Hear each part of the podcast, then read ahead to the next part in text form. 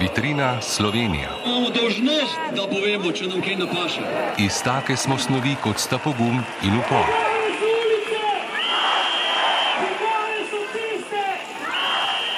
Trideset let Slovenije je tudi trideset let protestov. Res vas je lepo takole pogledati. Ko so se leta 2012 začele vse slovenske ustaje, je bil dr. Igor Koršič, profesor na Akademiji za gledališče, radio, film in televizijo, predsednik Društva slovenskih filmskih ustvarjalcev, vodil pa je tudi KOKS, koordinacijski odbor kulture Slovenije, ki je združeval 43 kulturnih organizacij.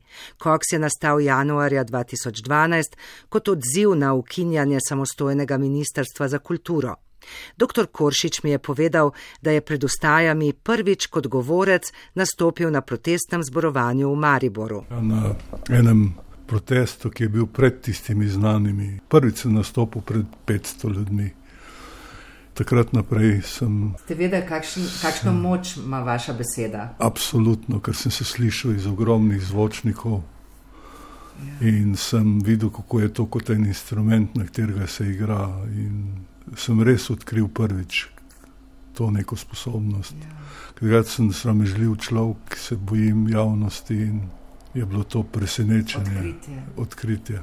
Vstop res z vsemi močmi je bil pa ko so se začele ustaje v Ljubljani. Ja, in takrat sem jaz bil predsednik Društva slovenskih filmskih ustvarjalcev in sem kot tak šel na eno srečanje v Društvu pisateljev, kulturnikov. In tu je pa drug na ključe nastopilo, da je Miha Hočevar predlagal ime Cox za organizacijo. Samo zaradi tega, ker je to dobro zvenelo, ja. pa smo se šele naknadno spomnili, kaj bi to naj pomenilo. Aha, najprej je nastal, nastalo ime Cox in potem. Smo rekli, da je to koordinacijski odbor kulture Slovenije. To je Mihatova zasluga. Cox je združeval 43 organizacij. organizacij. Večina kulture je bila zraven, nastal absolutno spontano. Nikoli se ni formaliziral kot, eh, kot organizacija. Jaz sem postal koordinator, koordinator ampak brez volitev. Ta koordinac koordinacija je bila vedno odprta, vedno sem vabil, če kdo hoče, lahko prevzame. Kje ste se dobivali? Na društvu pisateljev. Uh -huh. Tja so prihajali drugi, potem iz Novomeščani, pa ženske organizacije, vsi, ki so se pridruževali. Spomnim se še ene stvari, ki je bila ključna dve, pravzaprav zdaj sem se spomnil, da je AGRFT imela eno akcijo branja hlapcev pred parlamentom, maja, to je bila predigra. To je bila sicer ideja, ene, odlična ideja ene študentke, ki smo jo podprli in smo potem brali te hlapce ob ugibanju ljudi, kaj to pomeni pred parlamentom. Ni težko ugant. Druga zadeva je pa, kjer sem pa bil nekak inicijator da sem se z Ivom Svetino pogovarjal, da bi bilo treba nekaj narediti, da bi bilo treba en javni pogovor organizirati na temo, ukradli so nam državo, kaj pa kultura. In sem šel s tem predlogom k Miti Rotovniku in sem ga vprašal, če da prostor, pa rekel, da ga omogoča, da lahko pridem, ampak da naslednjič pa ne grem kam drugam še v dramo, pa v opero, pa tako naprej, da se bomo selili. In je bilo ene deset novinarjev, in delo je tistkrat kar na debelo poročalo, in se je zadeva za ukradeno državo prijela kot ena glavnih parol. To je bila ena taka predigra. Prvi velik dogodek za me je bil, vsaj kjer sem sodeloval v imenu Koksa, je bila sindikalna, sindikalni shod 30 tisoč ljudmi, če se prav spomnim.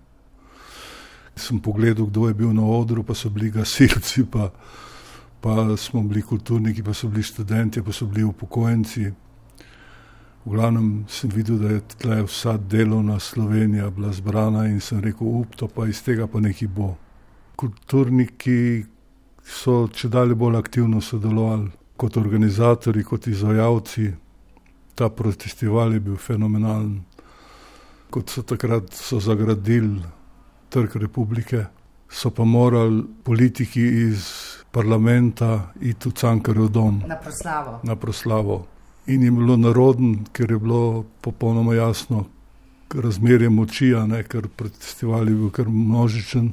Naš sedanji predsednik je pa svoj čudi sledeč se obrnil in je mislil se pogovarjati z temi protestniki in je se približal, medtem se je pa spontano vsa množica obrnila mu hrbet.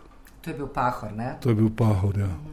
Do odstopa vlade je bilo stopnevanje in eh, nekaj povezano tudi z mediji takrat. Jaz sem bil nezadovoljen s tem, kako so tuji mediji poročali o nas, o teh vstajah naših, ali niso poročali, ali pa so poročali, ampak predvsem kot, kot proteste zaradi ekonomskih razmer, za, za izboljšanje plač, pa tako naprej. Tako so poročali, ne? takrat je bila Grčija na tapeti in tako naprej. In sem napisal v angleščini eno poročilo za tuje medije, ki sem ga potem razposlal, na kar se je oglasil Janez Janša in mi je zagrozil sodiščem, če ne povem, kdo je avtor te, tega spisa. In takrat se je zgodila čudovita zadeva.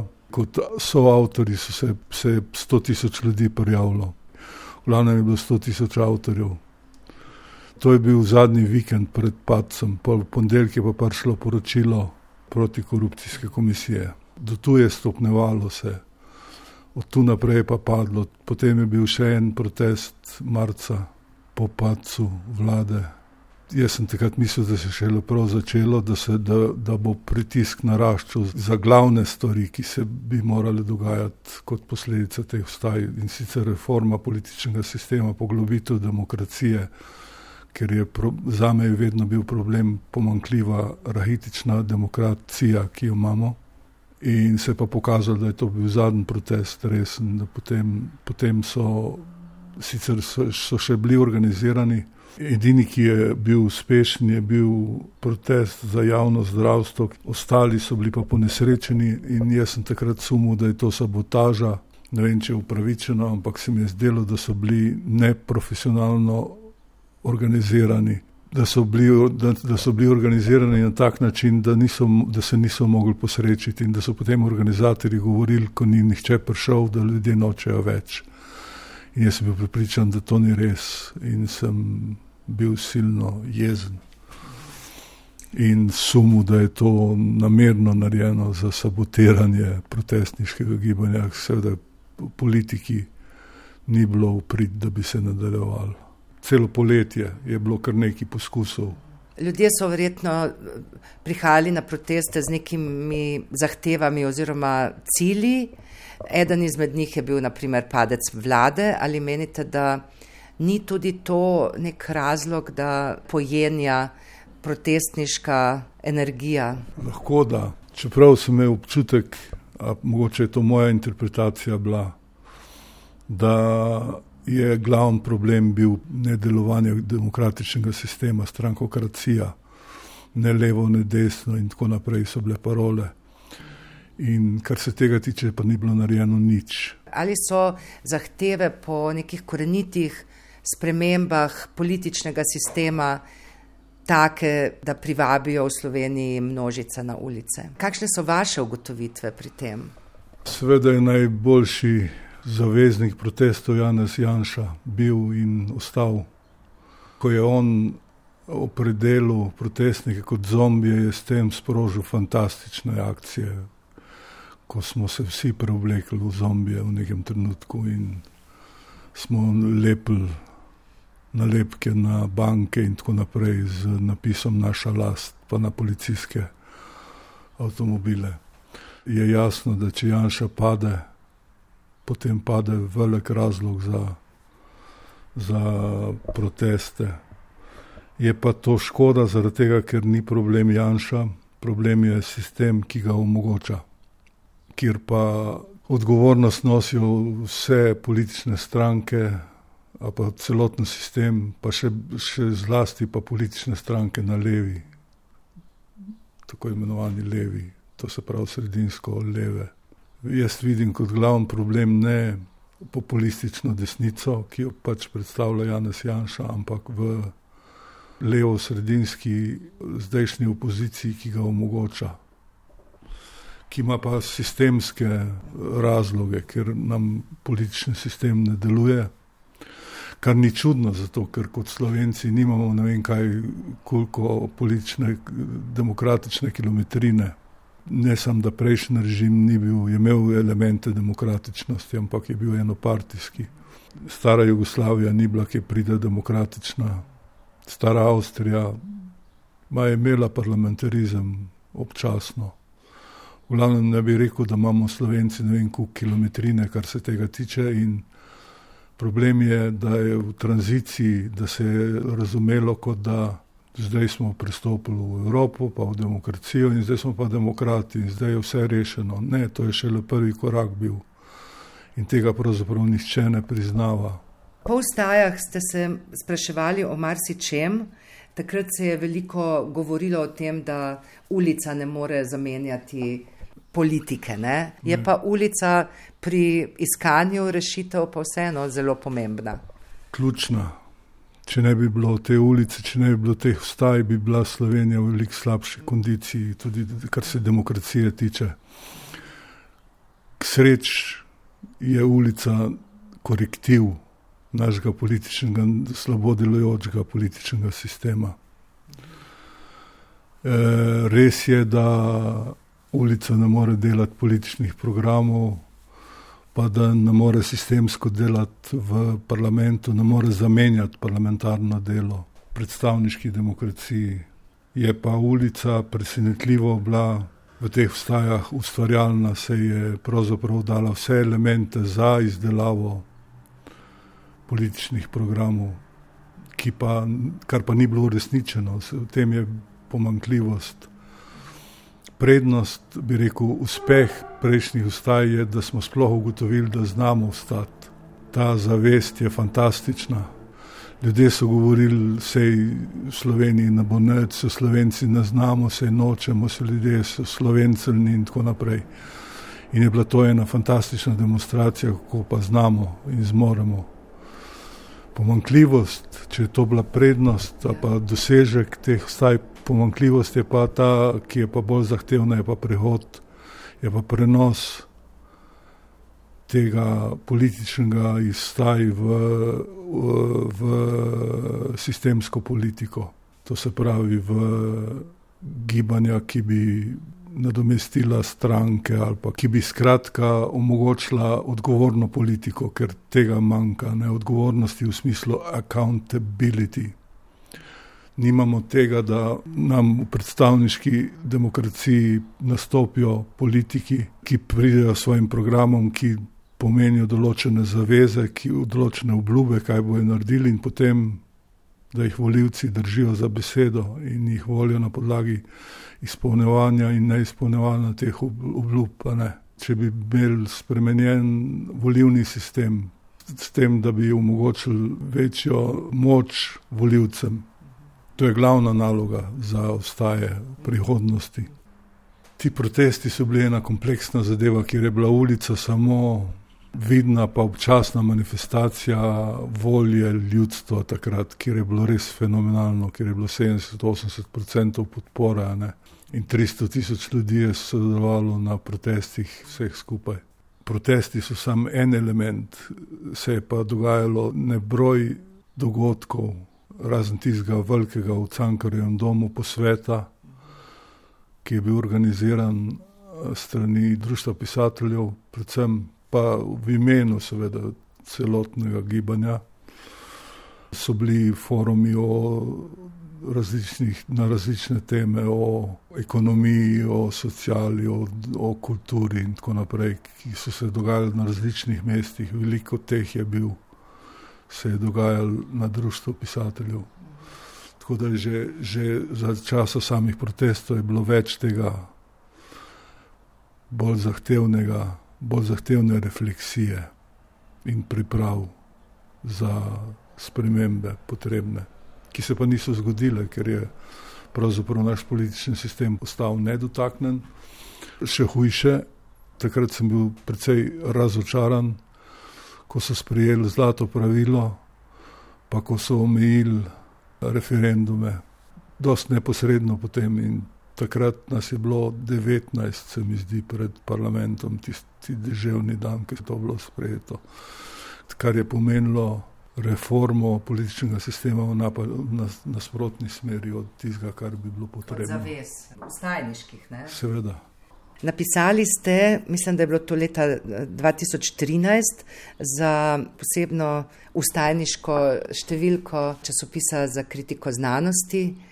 Ste zapisali takole: V resnici je nevarnost, ki v stajništvu še najbolj grozi, da se bodo deli stare politike preoblekli v stajništvo. Kar sem napisal, kar drži. In to sem opazoval v nastajanju, medtem ko so se vstaje dogajale se je ta stara politika v obliki novih strank, pa novih organizacij pojavljala. In sem jo zelo nazorno čutil, kako prevzema, poskuša prevzemati. In je v določeni obliki, v določeni meri tudi prevzela dele gibanja in ga neutralizirala. Tako da to mislim, da je ključno. Kaj se je pa zgodilo s Koksom po ustajah? Koksova spletna stran je še vedno živa, ker plačujem. Rekli ste mi, da ste se skrivaj nekako dobivali po ustajah v Tivoliju. Tivoli pod drevesija. Ko je ta želja upadla, jaz sem pa mislil, da še obstaja nek potencial.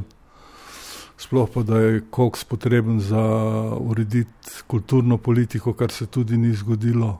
Smo se dolgo časa dobivali, eh, koordinatorji to se pravi tisti, ki so se počutili poklicane ali pa so imeli voljo. Spletno stran sem pravzaprav predlagal, da jo ustanovimo zato, ker ni bilo klipingov.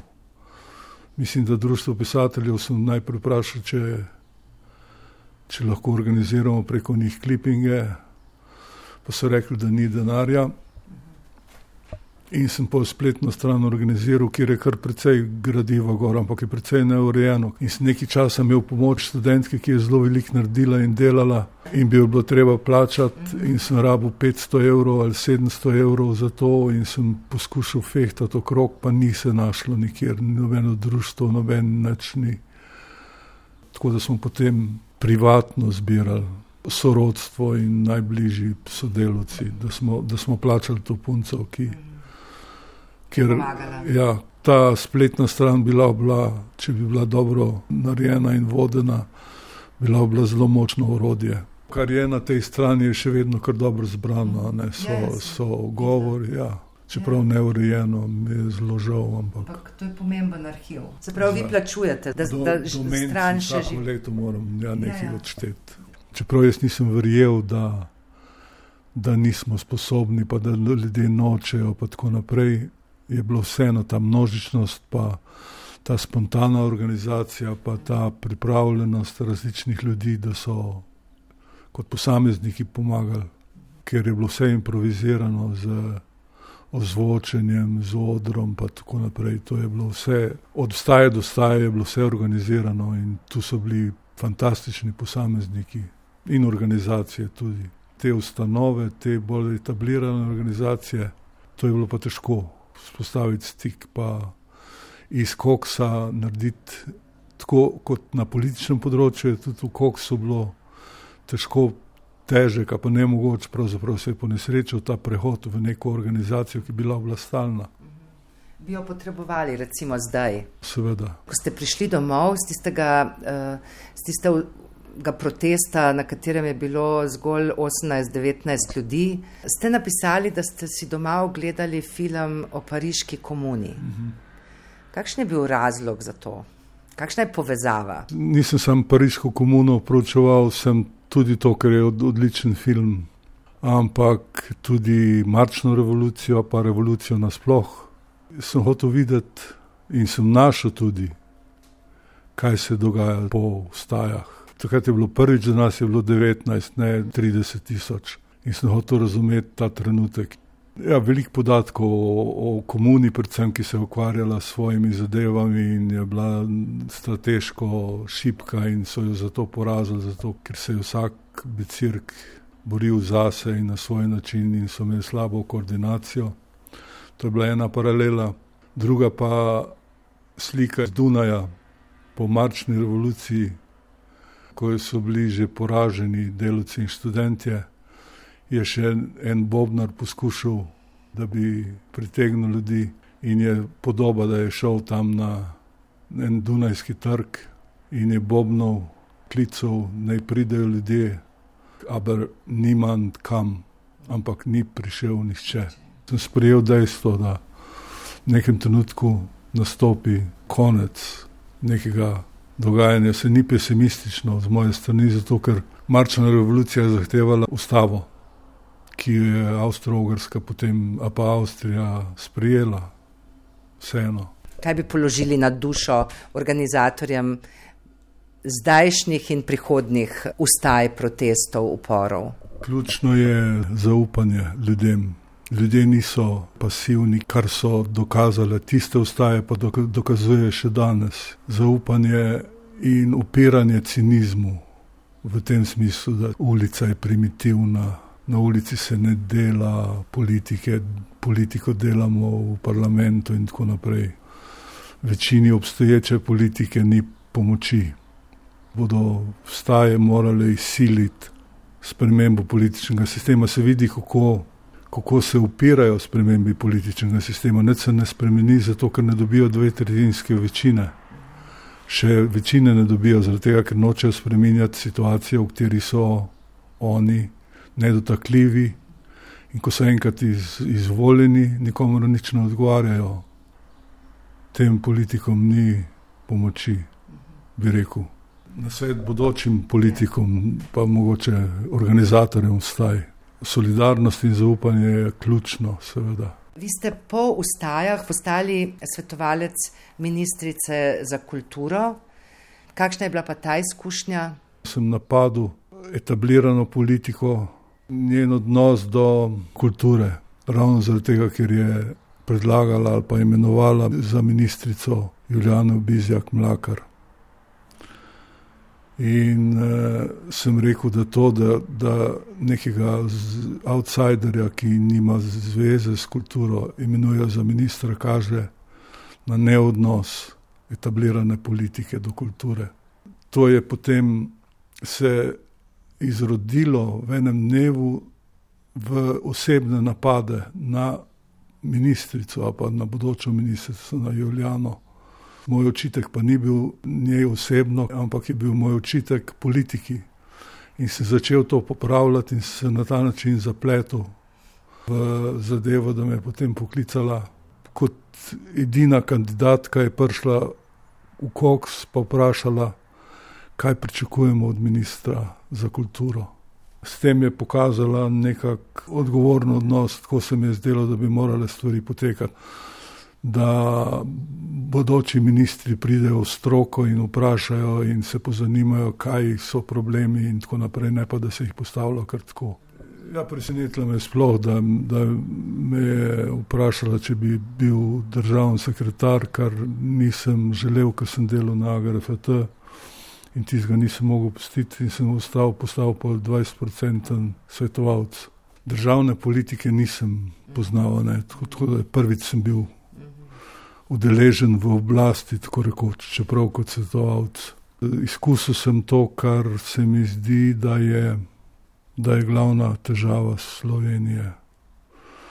Da ima politiko, ki je brez vizij, da nimajo ministri niti časa se ukvarjati s strateškimi vprašanji, da ni strategij, uradniški, administrativni državni aparat pa predstavlja seveda neko lastno moč, ki je na razpolago politikam za manipulacije.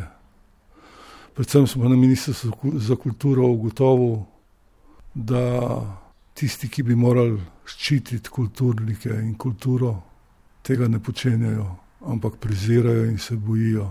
Pa niso zdaj odgovorni za to uradniki, ki so tam, ampak je politika, seveda, ki jih ne vodi v to smer. Če bi imeli kvalitetno in odgovorno politiko, bi moralo gojiti strokovno visoko profesionalno uh, uradništvo, politično neutralno. To ni samo na Ministrstvu za kulturo, da ministrstvo razume dejavnike na področju kulture kot prosilce za denar, sebe pa kot gospodarja, ki ta denar deli. Najbolj eklatantno je to s to vlado. Se pravi, da tisto branje hlapcev. Ne? Tisto je bilo zelo pomenljivo. In je hecno, ker sem od razsvetljenih in izobraženih ljudi slišal pripombe, pa se nismo mi hlapci, da ljudje pogosto jemljajo to kot očitek, da smo slovenci hlapci. Čeprav je cankar seveda imel to v mislih. Ampak eh, ne zdaj ljudstvo, on je cankar je zelo razlikoval, ne, kdo predstavniki stebri družbe so pa nas hlapčevski, predvsem. Cankar je aktualen še pa še. Doktor Koršič, kaj bi vi položili na eno izmed polic vitrine Slovenije? Jaz bi dal stiker ali pa slogan Naša last, ki je bila ključna za artikuliranje aktivnega državljanstva. Posebej ta stiker je bil zelo pomemben. Naša last. Naša last, ki so ga ti zombiji, ki so ga potem lepili na vse mogoče, ki so bili fenomenalni, so plezali po fasadah. Ja. Se pravi, da je s tem trenutkom eh, vitrina Slovenija postala naša last. Tako je. Hvala. Vitrina Slovenija na val 202.si in v podkastu zgodbe. Zbiramo spomine in eksponate. Gost epizode dr. Igor Koršič, novinarka Tatjana Pirc. Vitrina Slovenija. Imamo dožnost, da povemo, če nam kaj napaše. Iz take smo snovi, kot sta pogum in upor.